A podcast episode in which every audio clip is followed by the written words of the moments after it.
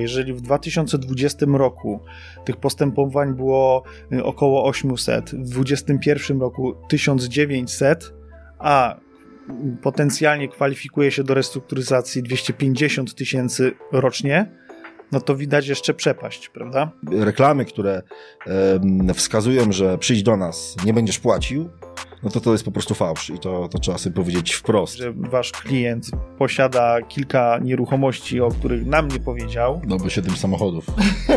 Zapomniał. I, no, tylko, że później się okazało, że na tej działce to on ma cały magazyn wybudowany, na którym prowadzi działalność operacyjną wart 2 miliony złotych. Tak. Albo, ale że działka jest w banku, bo jest w kredycie. Tak, no to nie moja, no bo na kredyt. Czyli jak nie robimy. Nie tak robimy, nie robimy. Tak. Jeżeli chcesz być na bieżąco z naszymi materiałami, zasubskrybuj kanał i kliknij dzwoneczek. Partnerem odcinka jest rocketjobs.pl, portal pracy przyszłości, gdzie znajdziesz nowych członków Twojego zespołu. Mercaton Asi, inwestycje z pozytywnym wpływem. SoFinanse, eksperci w dziedzinie finansów. IBCCS Tax, spółki zagraniczne, ochrona majątku, podatki międzynarodowe. Linki do partnerów znajdziecie w opisie filmu. Dzień dobry drodzy widzowie, Adrian Gorzycki, Przygody Przedsiębiorców. Witam Was w kolejnym odcinku naszego programu, gdzie tym razem ponownie naszymi gośćmi są... Adam Kaczor i Konrad Radwan. Słuchajcie, ten odcinek będzie mega konkretny, ponieważ jest on poświęcony wszystkim tym przedsiębiorcom, którzy w wyniku różnych zdarzeń mają problemy z płynnością finansową, a mówiąc wprost, mają długi. Więc jeżeli Was interesuje wiedza na temat tego, jak zgodnie z prawem zrestrukturyzować swoją firmę, żeby nie popadać w niepokojące i trudne konsekwencje, to ten odcinek jest dla Was. Zgadza się panowie? Tak, dokładnie. Ten odcinek jest również przeznaczony dla osób, które jeszcze nie mają problemów finansowych, ale jeżeli już trochę działacie w biznesie, to doskonale wiecie, że kiedy te problemy finansowe nadchodzą, to zaczynacie już powoli widzieć na horyzoncie. Więc zawczasu również obejrzyjcie ten materiał, bo być może wiedza, która z niego będzie płynęła i informacje uchronią was po prostu od niepotrzebnych problemów. Panowie, już wam oddaję głos. Przepraszam za ten przydługawy wstęp, ale chciałem bardzo wyraźnie zaznaczyć, dla kogo ten materiał jest telegraficznym skrócie, czym jest restrukturyzacja i dla kogo ona jest? Restrukturyzacja to jest taki proces, tak naprawdę to jest postępowanie sądowe, które pomaga w sposób może sformalizowany, ale skuteczny uchronić majątek e, danego przedsiębiorcy i na pewno wyjść z długów poprzez stworzenie planu, spłaty swoich zobowiązań. To tak w wielkim telegraficznym skrócie. To teraz zapytam w tym miejscu, bo rozmawialiśmy przed kamerą, że często e, wasi klienci to mylą. Restrukturyzacja nie jest upadłością konsumencką. Dokładnie. Zdecydowanie nie jest to upadłość. Celem działań restrukturyzacyjnych jest to, aby przedsiębiorca odzyskał możliwość spłaty swojego zadłużenia i zachował przedsiębiorstwo. Mhm. Natomiast upadłość no, jest likwidacją majątku. To już jest e, koniec spłata długów i nowa szansa, jak to się mówi czasami w reklamach. Czyli każdy, kto chce ochronić swój majątek, gdy popadł w tarapaty, to powinien właśnie rozważyć opcję restrukturyzacji. Właśnie. Zdecydowanie tak. Bardzo często nawet jest tak też, że niektórzy może nie mają na siebie formalnie żadnego majątku i się zastanawiają nad y, tą upadłością właśnie, ale y, tak naprawdę nie zdają sobie do końca też sprawa, sprawy z konsekwencji, y, jakie niosą, jaką, jakie niesie właśnie ta upadłość. A mhm. restrukturyzacja chroni nas przed takimi właśnie reperkusjami, które mogą nas e, spotkać e, e, no, tymi nieprzyjemnymi konsekwencjami. Mhm. No i teraz właśnie przejdźmy do takich kluczowych elementów, które są szalenie ważne dla ludzi, dla waszych klientów, których już obsłuży, obsłużyliście w ramach restrukturyzacji w liczbie kilkuset. Zgadza się? Tak jest. Pierwsza, najważniejsza rzecz. Ochrona przeciwegzekucyjna. Rozwinięcie ten temat, proszę. Ochrona przeciwegzekucyjna to jest taki, mm, można powiedzieć, parasol ochronny stworzony przez ustawodawcę. To jest taka e, ochrona przed egzekucją, e, tak komorniczą, e, taką również egzekucją w administracji, czyli Urząd Skarbowy, ZUS. W momencie, kiedy jesteśmy, tak w wielkim skrócie, już w tej restrukturyzacji, to żaden z tych organów nie może prowadzić żadnych małych czynności egzekucyjnych. Czy jesteśmy bezpieczni? Jesteśmy pod tym kątem na pewno bezpieczni. Mhm. A jak to wygląda pod kątem potencjalnych telefonów od wierzycieli? wierzyciele bardzo często dzwonią, bo wiadomo, chcą swoich pieniędzy, prawda? Oczywiście. Jeżeli mamy sytuację, w której e, przykładowo e, moje obciążenia miesięczne wynoszą 15 tysięcy złotych, a jestem w stanie regulować je na poziomie 7 tysięcy, no to jasnym jest, że nie dam rady wszystkiego zrobić, zaspokoić wszystkich w, w, na porówno, prawda? E, I wtedy dochodzi do takiej sytuacji, ja to nazywam gaszenia pożarów, czyli e, płacę tam, gdzie najgłośniej krzyczą. Więc mhm. muszę, e, płacimy te najbardziej takie mm, zobowiązania na już, bo jeż, na przykład leasing, no bo jeżeli zaraz nie zapłacę tych zaległych dwóch rat, no to mi wypowiedzą mi, zabiorą pojazd, a ja nim pra- zarabiam, prawda? Mhm. I to już jest bardzo istotne, żeby, żeby się przed tym uchronić. Nie? I te, to, to są sytuacje, w których ci przedsiębiorcy właśnie yy, mają yy, problem czasami z uchwyceniem momentu, kiedy to się wydarzyło. Co, cały czas płyną jeszcze, prawda? Jeszcze myślą, my myślimy, że, że to się uda. Tutaj może mam y, zatory płatnicze, ale za chwilę y, coś się odblokuje, będzie nowy kontrakt, y, jakaś płatność zejdzie, a później się okazuje, że nie schodzi, no i, no i dalej jest to samo. Nim przejdziemy do kolejnych ciekawostek a propos restrukturyzacji, no to musimy też przyjąć, że prawdopodobnie część naszych widzów, których, jakby to powiedzieć, baza urosła od momentu naszego pierwszego nagrania, troszeczkę urosła, więc powiedzcie proszę tak w telegraficznym skrócie również, kim wy w ogóle jesteście, że wypowiadacie się na temat restrukturyzacji? Znaczy, jesteśmy firmą, e, kancelarią, e, która zajmuje się restrukturyzacjami e, stricte. Ja jestem doradcą restrukturyzacyjnym, posiadam licencję doradcy restrukturyzacyjnego, jestem zarejestrowany w Ministerstwie Sprawiedliwości. No, mamy pełne kompetencje do tego, żeby takimi sprawami się zajmować. Mhm. Jakby sensem i celem działalności firmy jest to, aby E, no, prowadzić te postępowania, które negocjacje, czy też restrukturyzację sensu stricto, żeby dochodzić do pewnych, do, do wyniku, który będzie mm, najbardziej zbieżny z tym, czego oczekuje przedsiębiorca. Przedsiębiorca przeważnie oczekuje tego, żeby dalej mógł działać, no więc staramy się uczynić tak, aby w ramach posiadanych kompetencji, informacji e, mu to umożliwić po prostu. Mhm. Czy coś byś dodał do tego, Konrad? Ja bym dodał to na pewno, że jesteśmy taką firmą, która również bada sytuację na y, te, tego przedsiębiorcy na różnych etapach. Mhm. Sprawdzamy, z czym się dany przedsiębiorca boryka. I to nie jest tak, że jeżeli mamy, nie wiem, firmy transportowe, to wszystkie postępowania restrukturyzacyjne w firmach transportowych wyglądają tak samo, bo tak nie jest. E, tam jest wiele różnych elementów, które wpływają na to, jak ten układ, y, czy ten, ten plan spłaty nam wyjdzie, czy, czy też nie i, i to, jak go, go zakwalifikujemy. Więc jesteśmy też taką firmą, która dość mocno się pochyla na, na, na pewno na tym pierwszym etapie, e, przy kwalifikowaniu w ogóle e, przedsiębiorcy i realnej ocenie tego, co możemy zrobić. A możemy to zrobić właśnie, ta ocena może być realna, no bo prowadzimy bardzo dużo tych postępowań. Mhm. Więc choćby z samego tego faktu, mam, mając to doświadczenie, jesteśmy w stanie powiedzieć, jak to może wyglądać e, w przyszłości. No bo patrzymy, widzimy, porównujemy i, y, i jesteś, i, i oceniamy. Mhm. No i zaraz właśnie a propos e, skali osób, które korzystają z tego typu usług. Przed kamerą, jak rozmawialiśmy, powiedzieliście, że w zeszłym roku było 1900 tego typu postępowań w Polsce a wedle badań firm kwalifikujących się do tego jest 250 tysięcy. Z czego wynika tak duża dysproporcja? Z kilku elementów. E, przede wszystkim e, zmiany ustawy. E, ustawodawstwo nam się zmieniło. W 2020 roku weszło to, to, to uproszczone postępowanie, czyli to covidowe tak zwane, o którym rozmawialiśmy ostatnio u ciebie. Później mm, te, to, to rozwiązanie zostało implementowane, czyli po prostu na stałe zawitało e, w naszym e, ustawodawstwie.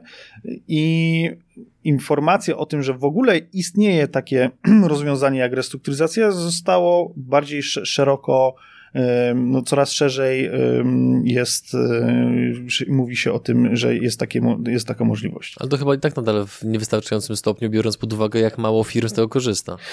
To jest wciąż mało. Jeżeli w 2020 roku tych postępowań było około 800, w 2021 roku 1900, a potencjalnie kwalifikuje się do restrukturyzacji 250 tysięcy rocznie, no to widać jeszcze przepaść, prawda? To, ta wartość, czy też ta ilość będzie rosła de facto, no bo zmieniają nam się sytuacje, zmienia nam się sytuacja gospodarcza, mamy kłopoty wynikające z COVID-u, mamy kłopoty, które są wynikiem sytuacji, która teraz jest za naszymi granicami, więc y, te szacunkowe liczby podawane, te 250 tysięcy czy 220 tysięcy przedsiębiorców, to jest pewna szacowana skala firm, które mają problemy z y, płatnościami Mhm. Zatory płatnicze, spóźnione faktury, brak zapłaty w ogóle, to jest jakby, to jest e, jakby ta kwestia. I tutaj jakby mhm. organizm, czy też gospodarka stanowi pewnego rodzaju organizm, który łączy wszystkich ze wszystkimi, więc kłopoty jednego przedsiębiorcy e, rzutują na kłopoty jego kontrahentów i tak dalej, i tak dalej, i tak dalej. Więc e,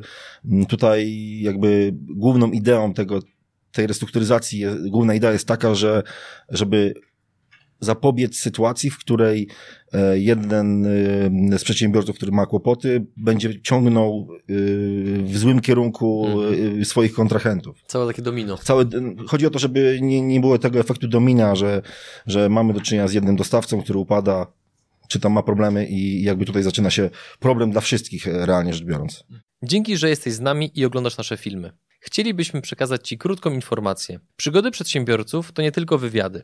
Na co dzień zajmujemy się przede wszystkim wideomarketingiem na YouTube. Jeśli chcesz, aby Twoja firma zaczęła generować lidy z platformy, która zrzesza ponad 20 milionów użytkowników w samej Polsce, to wejdź na przygody.tv i sprawdź, jak możesz z naszą pomocą skorzystać z potencjału YouTube'a, zanim zrobi to Twoja konkurencja. Drodzy widzowie i słuchacze, ten odcinek właśnie powstał z myślą o tym, żeby budować świadomość tego, że w ogóle takie narzędzie na rynku istnieje. Dlatego powtórzę po raz kolejny, to jest apel do Was.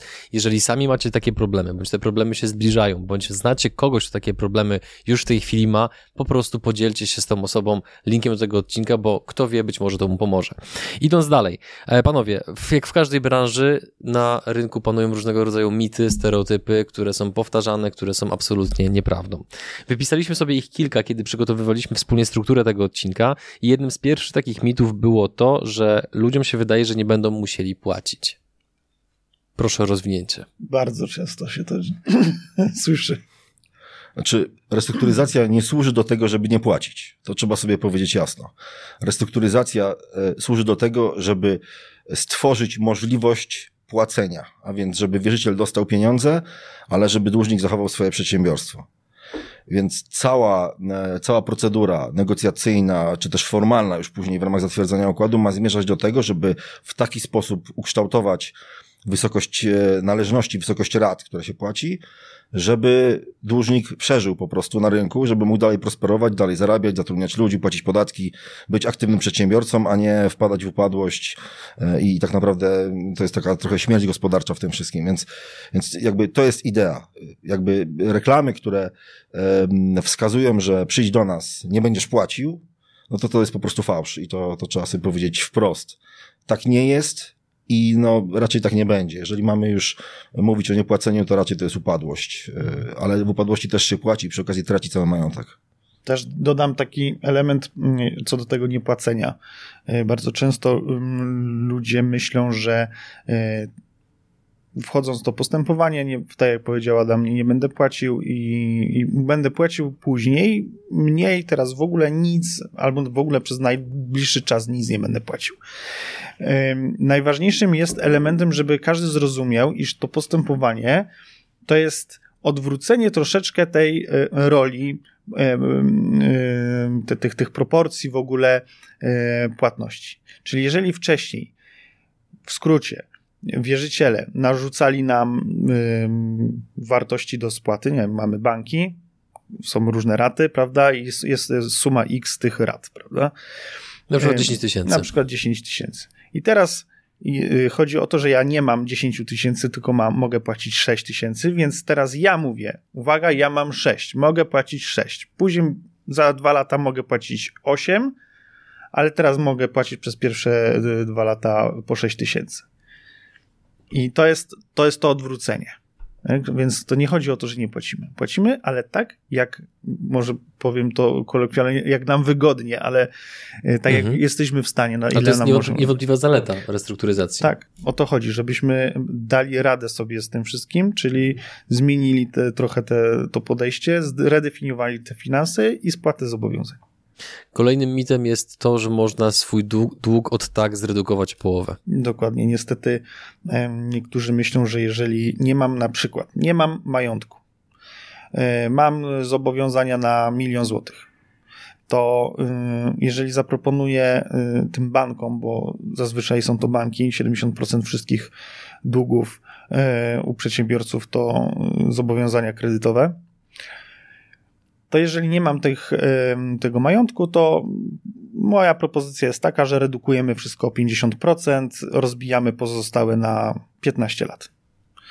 Praktyka pokazuje, że absolutnie to tak nie działa. Banki nie zgodzą się na, na takie redukcje, na pewno nie w takich proporcjach y, i nie na takim, w takim okresie czasu. Pokazuje to doświadczenie, gdzie no, mieliśmy już y, takich y, przedsiębiorców, którzy przedstawiali nam swoje plany restrukturyzacyjne w taki sposób. I to y, w rzeczywistości, w praktyce nie, nie, nie wychodzi. Są, oczywiście są plany restrukturyzacyjne, które faktycznie mm, przechodzą i są zatwierdzane przez sąd z redukcją 50%, też takie mieliśmy. Ale, ale to są wyjątki bardziej i mówimy tu o sytuacjach, w której y, sąd, y, czy w której y, ci wierzyciele są, y, no na pewno nie są w większości bankami. Innymi słowy, o stopniu redukcji decyduje struktura wierzytelności. Dokładnie. A to jest jakby indywidualny przypadek tak naprawdę za każdym razem. Każdy przedsiębiorca jest inny, każdy przedsiębiorca ma y, trochę inny rodzaj długów, każdy prowadzi troszeczkę inaczej swoją działalność i jakby jeżeli struktura zadłużenia pozwala nam na podjęcie negocjacji głównie z wierzycielami, którzy są innymi przedsiębiorcami, y, aby zredukować dużo, no to wtedy to się może udać. Natomiast y, musi być do tego jeszcze y, perspektywa rozwoju przedsiębiorstwa, czyli Mhm. jeżeli mówimy o jakimś zatorze płatniczym, jakimś problemie, który wiąże się na przykład z jakimś zdarzeniem typu pożar y, y, hali, w której była produkcja i tak dalej, a firma pokazuje, że ma możliwości pracy i zarabiania, no to jakby na pewnym etapie można y, wynegocjować redukcję z tego względu, na który zwróciłem uwagę, że jakby przedsiębiorca nie działa w próżni, to jest cały szereg podmiotów powiązanych, więc ludzie y, są wyrozumiali, ale muszą widzieć w tym sens i muszą wierzyć w to, że to się, e, że to się może udać. Wtedy faktycznie można dokonywać takich daleko idących redukcji. Natomiast y, opowiadanie o tym, że bank taki czy inny zrezygnował z 50% swojego zadłużenia, to jest mit.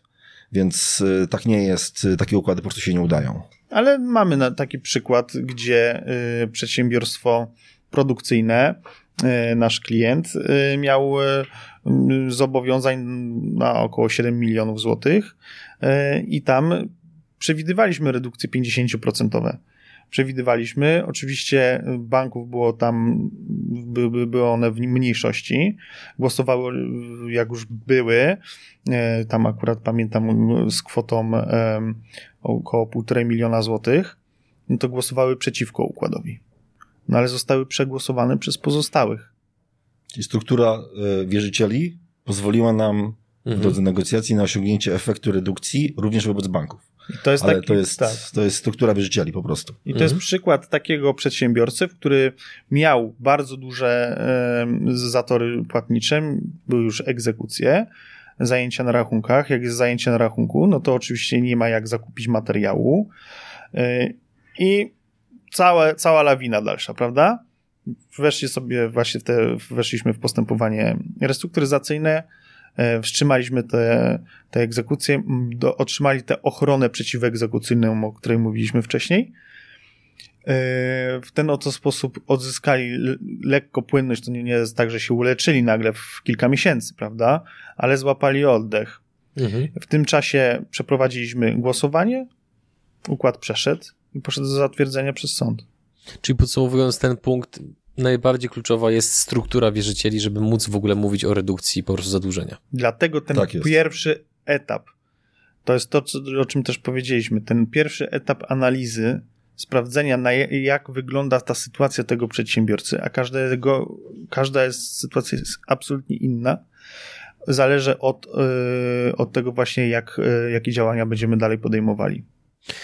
Więc teraz przechodzimy do kolejnego mitu, którym jest to, że ludziom się wydaje, że mając duży dług na poziomie, dajmy na to, miliona złotych, aczkolwiek pewnie dla niektórych to są drobne, no ale dla większości ludzi to jest duży dług, że mając milion złotych długu, będą mogli płacić absurdalnie niskie raty. O, tak, to jest... To też jest nieprawda. Od razu. Dobra, to przejdźmy do punktu numer cztery. Rozwincie, proszę. No, jakby wiesz, y, jeżeli ty jesteś wierzycielem, któremu ja jestem dłużny milion złotych y, i proponuję ci spłatę na poziomie tysiąca złotych przez tysiąc lat, to y, czy zgodziłbyś się na takie warunki? No to brzmi absurdalnie. Zawsze warto sobie zadać pytanie, na jakie, czy, czy na proponowane warunki, na to, co proponujemy, zgodzilibyśmy się my sami, jakbyśmy byli na miejscu tego, który ma o tym decydować. Bo to jest jakby klucz wszystkiego. Tutaj, jeżeli jesteśmy w stanie zgodzić się na to, że będziemy płacić tysiąc złotych przez tysiąc lat, no to, to w porządku. No to, to, to okej, okay, to piszemy, składamy, być może wierzyciele też tak, tak mhm. uważają. Ale jeżeli sam wewnętrznie uważasz, że to jest w ogóle propozycja, która do niczego się nie nadaje, no to y, trudno w takim przypadku oczekiwać, że ludzie, którzy też stracili pieniądze, no bo nie mogą ich odzyskać, czy realnie stracili, a chcą je odzyskać, że będą się godzić na to, że będą je odzyskiwać do trzeciego pokolenia yy, mhm. dalej, nie? Więc to po prostu może nie tej głowy. Takie rzeczy się nie dzieją. Po prostu że jednak y, jesteśmy w sferze podejmowania pewnych racjonalnych decyzji. No i te, te decyzje są racjonalne zarówno z jednej strony, jak i z drugiej. To też nie jest e, zabawa życzeniowa, w której mm, e, my chcielibyśmy płacić tysiąc złotych, bo, bo, bo tak by było nam wygodnie, tylko to jest jakby wypracowanie pewnego akceptowalnego kompromisu dla obu stron. Tutaj ta, ta wartość tej raty musi, nie może nas zniszczyć w sensie takim, jak, jak potrafi zniszczyć egzekucja, gdzie nie jesteśmy w stanie nic zrobić, bo wszystkie pieniądze są, są nam zabierane, ale jednocześnie musi być to wartość dodana dla wierzyciela, którą on będzie odczuwał. To mm, tutaj jest, kluczem jest kompromis z tym wszystkim, dlatego e, jest ten mechanizm głosowania. No wierzyciel się albo godzi na to, co mu proponujemy, albo nie. Więc jeżeli mamy odpowiednią ilość wierzycieli, którzy się zgadzają, to układ się udaje tak to działa. Natomiast y, propozycje nie mogą być absurdalne, więc opowieści o tym, że można płacić 2 złote, y, oddając 200 tysięcy złotych, y, to jest, to, to, to są po prostu jest nieuczciwa reklama, y, są fałszywe informacje, które są rozpowszechniane być może gdzieś tam w sieci. Teraz przejdziemy do wątku, gdzie e, Konrad oraz Adam opowiedzą wam o różnego rodzaju patologiach, które możecie spotkać na rynku, w sytuacji, w której próbujecie jakkolwiek z innymi firmami właśnie, no mówiąc kolokwialnie, załatwić sprawę zadłużenia waszej firmy. Więc z racji tego, że rozmawialiśmy poza kamerą i wtedy o tym temacie mówiłeś z dość dużym zaangażowaniem, tak to ujmę, to oddaję teraz tobie głos Konrad i powiedz, jakie patologie na rynku rynku są, które czyhają na klientów? No ten rynek jest, e, pojawił się e, jako taki, taka może dla niektórych mekka, że niektórzy myślą, że tutaj zawojują e, świat i będą robili biznes na zadłużonych w różny sposób. Te sposoby są, no, co firma czasami to in, inny pomysł naprawdę. To są sytuacje, w których przykładowo dzwoni się do osób fizycznych akurat, ale też dla, do firm i proponuje się e, jakiś abonament, e, e, że płacisz mi abonament, ja za te pieniądze będę rozmawiał z twoimi wierzycielami i będziemy tutaj zatrzymywali całą falę hejtu, falę egzekucji, aha, masz komornika, nie ma problemu, to też załatwimy, bo przecież znamy wszystkich komorników w Polsce. To są takie historie. No i ci ludzie płacą, płacą pieniądze, które, z których nic nie ma tak naprawdę realnie, bo czas, ściema cała ściema, bo często na przykład y, nawet jak już gdzieś coś zaczynają faktycznie pisać do tych wierzycieli, no to więcej zaszkodzą, bo się okazuje, że, że są y, z tego większe problemy. Tym bardziej, że jeżeli taka firma zaproponuje ci w ogóle niepłacenie tym swoim wierzycielom, na przykład rat kredytu, no to to już jest w ogóle jakby poza postępowaniem restrukturyzacyjnym, jako sformalizowanym działaniem, takie, takie rozwiązania no, przynoszą no, tylko szkody. Mhm. Inne sytuacje. Bardzo często pojawiają się też firmy, które no niestety pod otoczką jakby samego postępowania już restrukturyzacyjnego podpisują umowy z klientami. Tak naprawdę to nie są umowy e, z doradcą restrukturyzacyjnym, bo pamiętajmy, że trzeba mieć licencję. E, jest to bardzo łatwo do sprawdzenia w internecie. Mhm. No i też warto to generalnie też zapytać wprost na samym tak. początku, czy ma pan, pani licencję. Też mnie troszeczkę dziwi, czemu ludzie nie, nie, nie, nie pytają o to, Przecież Może nie to tak wiedzą, tak samo jak adwokat. Zapytać. No jeżeli mhm. podszywasz się za adwokata, no to, no to też można sprawdzić, czy jesteś tym adwokatem, prawda? To jest... Tylko wiesz, ja, ja tutaj trochę stojąc w ich obronie, uważam, że y, wydaje mi się, że ludziom nie przychodzi do głowy, że możesz chcieć e, aż tak zaryzykować, że nie masz licencji, a zachowujesz się jakbyś ją miał. No bo to już de facto tak trochę wchodzi w znamiona przestępstwa. Może trochę wyłudzenia. Mhm. Tak. E, faktycznie, i, i okej, okay, mogą y, też y, jest presja, bo tutaj człowiek ma, ma problemy, więc on psychicznie się gorzej czuje i, i, nie myśli już o tym, no bierze za dobrą monetę, że rozmawia z profesjonalistą. No przecież ten pan ładnie mówi. Mhm. Prawda? To chcę w to wierzyć. W oszustwach ta wnuczka, ten pan zawsze Dokładnie, no ładnie mówi przez telefon. Jak to się tak to słucha, to takie abstrakcyjne, mhm. prawda, że oni się tak dali zrobić, a tu jednak dali się zrobić. Znaczy mechanizm, y, wiesz, to jest w ogóle y, y, sytuacja, w której jesteś w problemie. Ona jest taka deprymująca psychicznie jakby zewsząd y, idzie na ciebie atak komorników, y, windykatorów, wszyscy cię straszą i tutaj jakby y, tracisz trochę możliwość racjonalnego podejmowania decyzji, jesteś pod presją. Zresztą taki jest cel działań windykacyjnych, żebyś czuł się pod presją, żebyś oddał, nie? Więc tutaj jakby trzeba zachować tą chłodną głowę, o tak powiedziałbym. W, pewnym momencie trzeba jednak się ochłonąć i zacząć podejmować racjonalne decyzje. Jeżeli będziemy podejmowali e, działali w sposób nieracjonalny, no to, to skończy się po prostu upadkiem i, i tutaj albo jakimś mhm. oszustwem, wyłudzeniem, kolejną porażką, która jeszcze bardziej nas zdołuje i to jest jakby no i później pojawia się, zagrożenie. No. pojawia się firma, która podpisuje z tobą umowę e, na restrukturyzację właśnie przy czym ta, e, to przedmiotem tej umowy jest przygotowanie się do restrukturyzacji. I później albo zlecone będzie to jakiemuś innemu doradcy restrukturyzacyjnemu, który pewnie robił to pierwszy raz w życiu, albo może trzeci, e, albo i nie. E, no i wychodzą z tego jeszcze również problemy, bo albo straciłeś pieniądze, już tu mówimy o większych kwotach. Większych, czyli?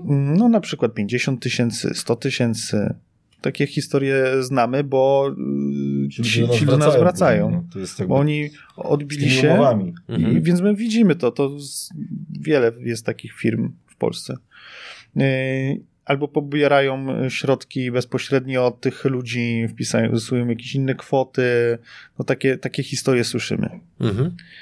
Przestrzegamy naprawdę przed tym, żeby jak wybieracie sobie doradcę restrukturyzacyjnego, bo tylko właśnie taki może Wam w tej kwestii pomóc, jeżeli mówimy o tym postępowaniu najbardziej popularnym, tym reaktywnym, bardzo jakim jest e, postępowanie o zatwierdzeniu układu, to, mm, to musi to być licencjonowany doradca restrukturyzacyjny i nie może być sytuacji, w której e, ktoś e, powie, że zrobi dokładnie to samo, a no nie ma licencji. To trzeba sprawdzić.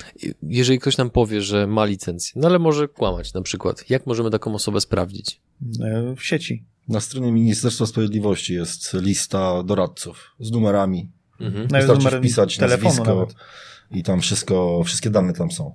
Mhm. Umożliwiające weryfikację oczywiście. Bardzo przydatna informacja. E, jeszcze a propos patologii, to mówiliście przed nagraniem, że e, często dotyczy to pojedynczych dogadywań, jeżeli chodzi o no długi. tak, bo to jest y, sytuacja, w której y, firma y, proponuje ci, że będziesz mi płacił jakiś tam abonament właśnie i ja będę się pojedynczo dogadywał z tymi twoimi wierzycielami z poszczególnymi bankami, chwilówkami i tym podobnymi.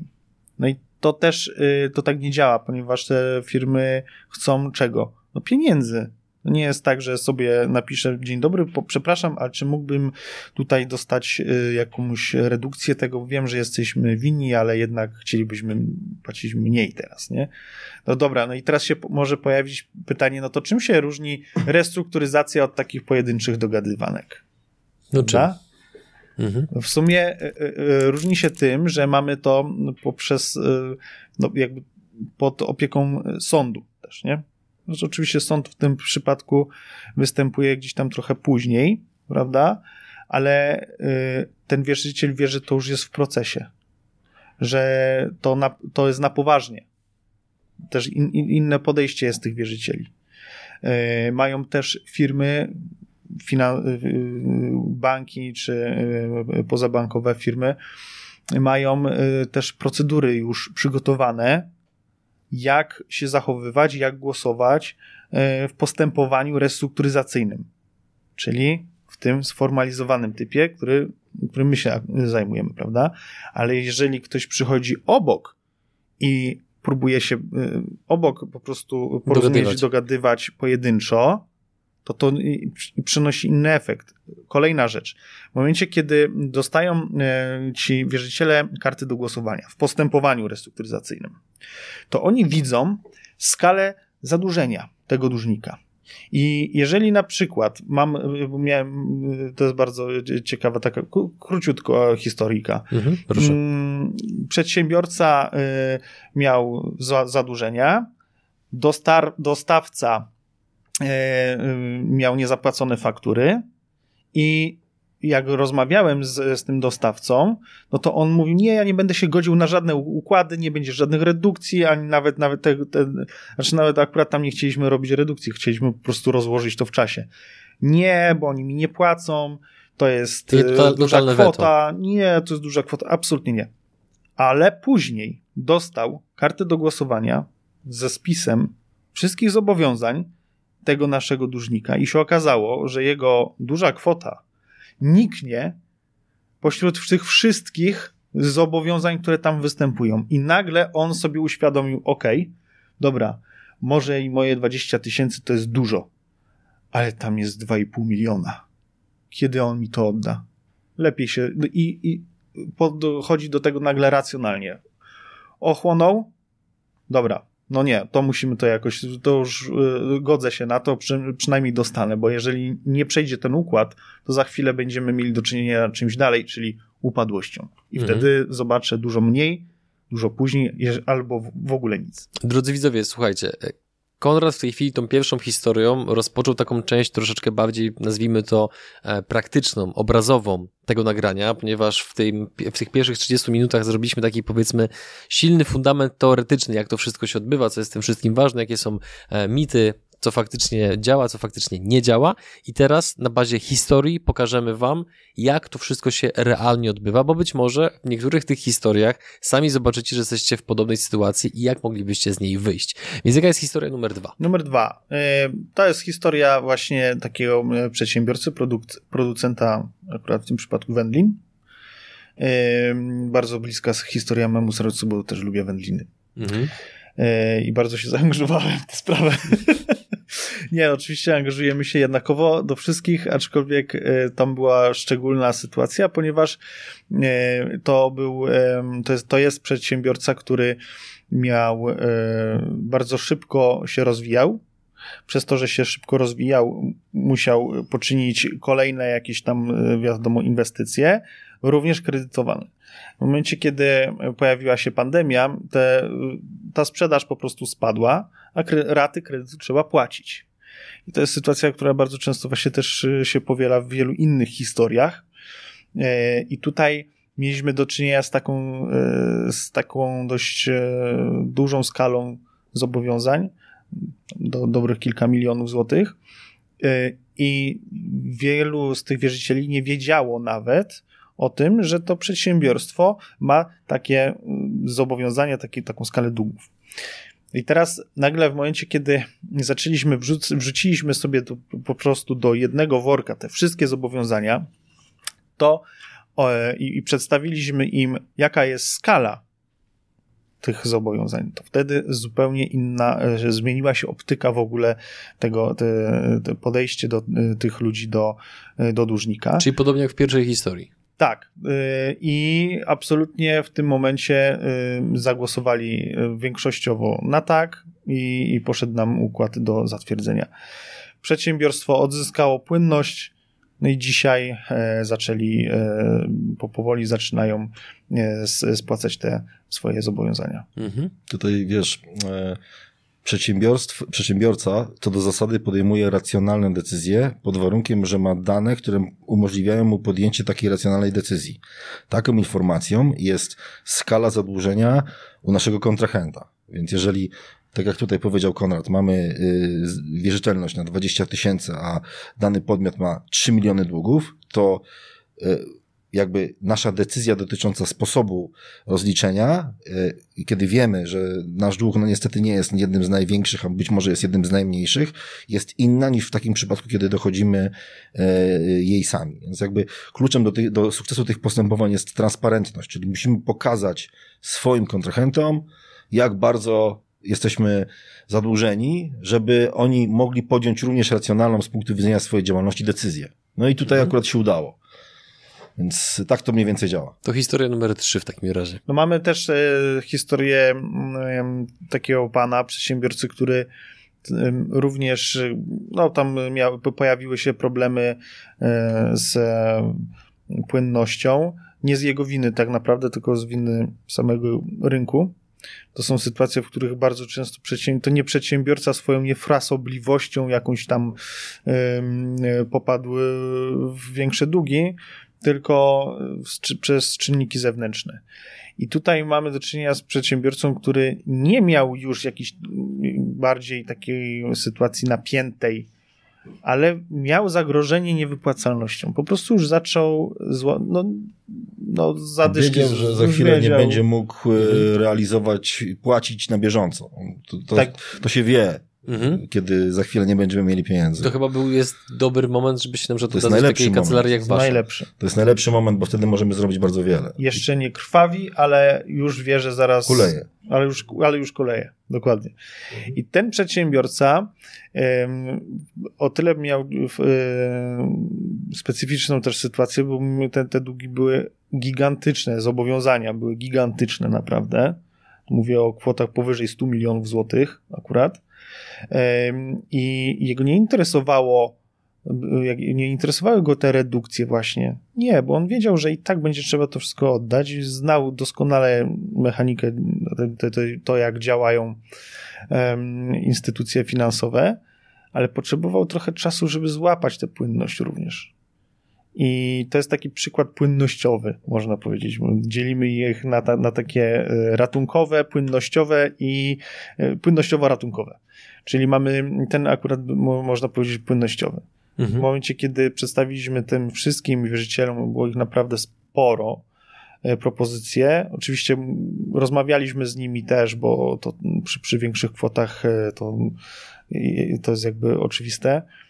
Mm, zagłosowali na, za układem. No i to wszystko się z, zaczęło realizować zgodnie z tym, co mieliśmy w nim zawarte. Czyli tak z tego co rozumiem, to historie waszych klientów dzielą się na takie historie, kiedy ktoś już ma dość duże problemy i na takie, gdzie ktoś widzi, że te problemy się zbliżają.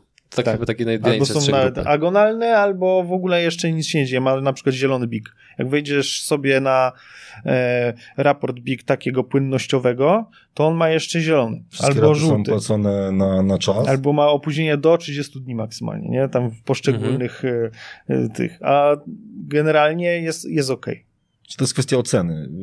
Y, prowadzisz firmę, wiesz, y, gdzie zaczyna przeważnie wiesz, albo czujesz, gdzie zaczyna być problem. Jeżeli ktoś ci nie płaci, albo mm, prowadzisz inwestycje jak, jako firma budowlana i tutaj masz zatory, tutaj masz zatory, tutaj rosną ci e, e, stawki, e, nie wiem, za, za, za, za pracę pracowników, za, za materiały budowlane, które zużywasz, to wiesz, ile jeszcze jesteś w stanie funkcjonować. No wtedy pierwsze, co przychodzi do głowy, to wzięcie kredytu, kolejnego kredytu, który zapewne spłacimy z y, przyszłych zysków, tylko że jeżeli tych zysków nie będzie, to zaczynamy być w coraz gorszej sytuacji. Więc jakby ten, ten układ płynnościowy polega na tym, żeby zebrać to wszystko y, do jednego worka, ustalić y, możliwą do płacenia ratę i uchronić przedsiębiorcę przez pewien okres czasu, przed jakimiś działaniami, które mogą e, no, zniszczyć, zniszczyć firmę po prostu. To jest jakby, to jest główna idea tych układów płynnościowych. W przypadku ratunkowych, to Konrad zaraz opowie, to jest jakby inna sytuacja, bo tam już mamy, mamy egzekucje częściowe albo już całkowite, ale jeszcze jest perspektywa na wyjście z tej sytuacji tylko potrzeba podać takiemu komuś pomocną dłoni. To jest jakby cała idea, cała idea tego wszystkiego, bo, bo nie chodzi o to, żeby y, zgnieść człowieka, bo ten człowiek, jeżeli da mu się zarabiać, to będzie zarabiał. Ludzie chcą zarabiać, chcą wydawać. Jakby to jest y, wszystko, co nas cieszy y, co daje nam sukces, to poczucie sukcesu. No ale, ale no czasami się po prostu nie da, jak przegapimy moment, no to mamy układy ratunkowe, czyli komorników, y, no i tak dalej.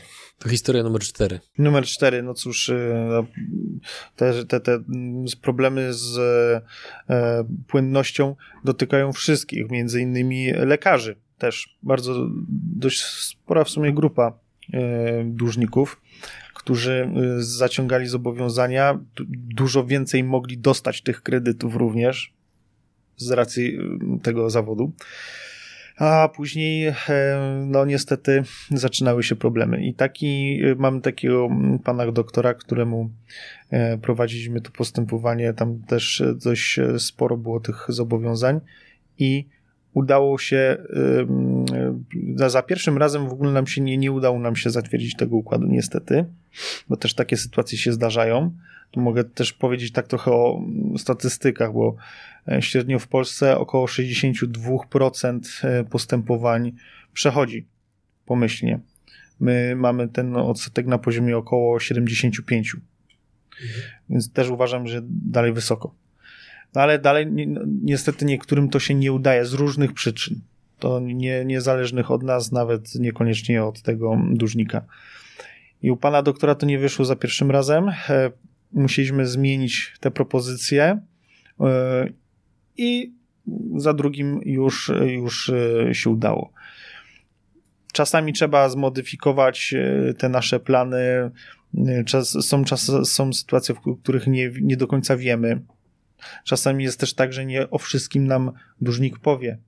Bardzo ważne jest, żeby jak już zdecydują się Państwo na, mm, jak ktoś się zdecyduje na prowadzenie tego postępowania, żeby mówić swojemu doradcy restrukturyzacyjnemu wszystko również o tym, co posiada, bo jeżeli później w trakcie głosowania okaże się, że ZUS dzwoni do nas i mówi, że wasz klient posiada kilka nieruchomości, o których nam nie powiedział. No bo siedem samochodów. Zapomniał. I sytuacje takie nam się też zdarzają, niestety. No to, no sorry, może to nie wyjść.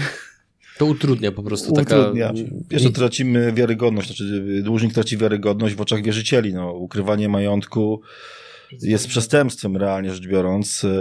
Natomiast no, to postępowanie zasada się na pewnym zaufaniu. Pokazujemy, co mamy, ile możemy płacić, w jakim czasie. Jeżeli zaczynamy ukrywać siedem samochodów gdzieś w garażu, nie, ale zapomnieliśmy, że są zarejestrowane na nas, E, a ZUS nie zapomniał sprawdzić, więc y, to, to, to się mija z celem, bo w tym momencie mamy podstawę do tego, że nawet jak wierzyciele się zgodzą na to, żeby ten układ został, żeby on przeszedł, to on nie zostanie zatwierdzony przez sąd, no bo to jest wprowadzenie w błąd tak naprawdę reszty wierzycieli. Ostatnio mhm. mi klient powiedział, że, yy, że ma działkę, działkę budowlaną, ona jest warta około 100 tysięcy złotych. No tylko, że później się okazało, że na tej działce to on ma cały magazyn wybudowany, na którym prowadzi działalność operacyjną wart 2 miliony złotych. Tak. No, albo, ale że działka jest w banku, bo jest w kredycie. Tak, no to nie moja, no bo na kredyt. Czy tak nie robimy? Nie tak robimy, nie robimy. Tak. No okej. Okay. Historia numer 5, ostatnia. No to może coś z budowlanki, bo też bardzo szeroki, szerokie spektrum. My mieliśmy też takich, zresztą mamy wielu klientów z branży budowlanej, które które mają, wiadomo, problemy z różnych powodów. Teraz jest znowu ciężej, można powiedzieć, i, i są zatory płatnicze, klasyka, ale taki przedsiębiorca, e, który miał e, nie jakoś specjalnie bardzo dużo tych zobowiązań, kilkaset tysięcy bodajże, ale już były zajęcie z Urzędu Skarbowego. No i w momencie, kiedy skarbówka nam wchodzi na konto, no to mamy związane ręce, no nie możemy kupić materiałów, no dobra, można kupić, ale gotówką, ok. No i potrzebował też tej płyn odzyskać tę płynność, a miał w zanadrzu e, kontrakt, który miał się zrealizować w najbliższym czasie, otrzymać miał również zaliczki za, za, na ten kontrakt i bał się, że jeżeli to zrobi, no to wiadomo, że to całość tych środków trafi do Urzędu Skarbowego E, no i super, częściowo urząd zostanie zaspokojony, no ale cóż mi z tego, jak nawet nie będę miał za co kupić materiałów i nie zrealizuję tego kontraktu i będę miał za chwilę jeszcze kary. Prawda? I dokładnie tak było, więc yy, wszczęliśmy to postępowanie yy, i generalnie stało się tak, jak przewidywaliśmy, czyli środki już trafiły na, na rachunek y, naszego dłużnika, nie, zaj- nie były zajmowane przez Urząd Skarbowy. Rzecz kluczowa to jest bardzo ważne. On dzięki temu mógł zakupić materiały i zacząć realizować. I zarabiać. I zarabiać. Przede wszystkim zarabiać, bo czas... Wierzyciele też się zgodzili na nasze propozycje. Sąd w ogóle bardzo szybko w tym przypadku zatwierdził, bo to też jest ciekawostka. Tam w ciągu chyba dwóch tygodni sąd zatwierdził nam cały układ. Także to, to był taki też ewenement. E, i, I funkcjonuje. Osiągnął bardzo szybko swój efekt. Modelowy przykład. I bardzo dużo też jest, e, tak wspomnę, gospodarstw rolnych. Może nie wszyscy wiedzą, ale tak naprawdę mniej więcej jedna czwarta wszystkich postępowań restrukturyzacyjnych w Polsce to gospodarstwa rolne. Z, z czego wynika tak duża świadomość wśród, wśród rolników? Właśnie też się zastanawiałem, dlaczego właśnie to rolnicy są tacy świadomi, ale chyba chodzi tutaj bardziej o to, że mm, są to ludzie, którzy ze sobą po prostu rozmawiają. I wymiana informacji. I wymiana, wymiana informacji. I opowiadają o swoich doświadczeniach. Często jest tak, że oni dzwonią do nas i pytają się już konkretnie o pewne y, elementy, których nie mógłbyś, nie zadałbyś tego pytania, jakbyś nie miał do czynienia z tą materią. Oni mi zadają konkretne pytania y, i to jest y, naprawdę ciekawa grupa i dużo, dużo można im pomóc czy stopień świadomości w ogóle wśród rolników na przestrzeni ostatnich dwóch lat e, wzrósł e, ogromnie. To po prostu zakładam, że te e, wydarzenia, pewnie nie wiesz, ale tam 18-19 rok to była susza, więc rolnicy mocno to odczuli, po czym był COVID, więc cała ta sytuacja się nam przedłużyła. Natomiast ci ludzie faktycznie spotykają się, rozmawiają, nie ma jakiegoś egalitaryzmu, jak w przypadku przedsiębiorców, gdzie każdy poniekąd to ukrywa swoją sytuację.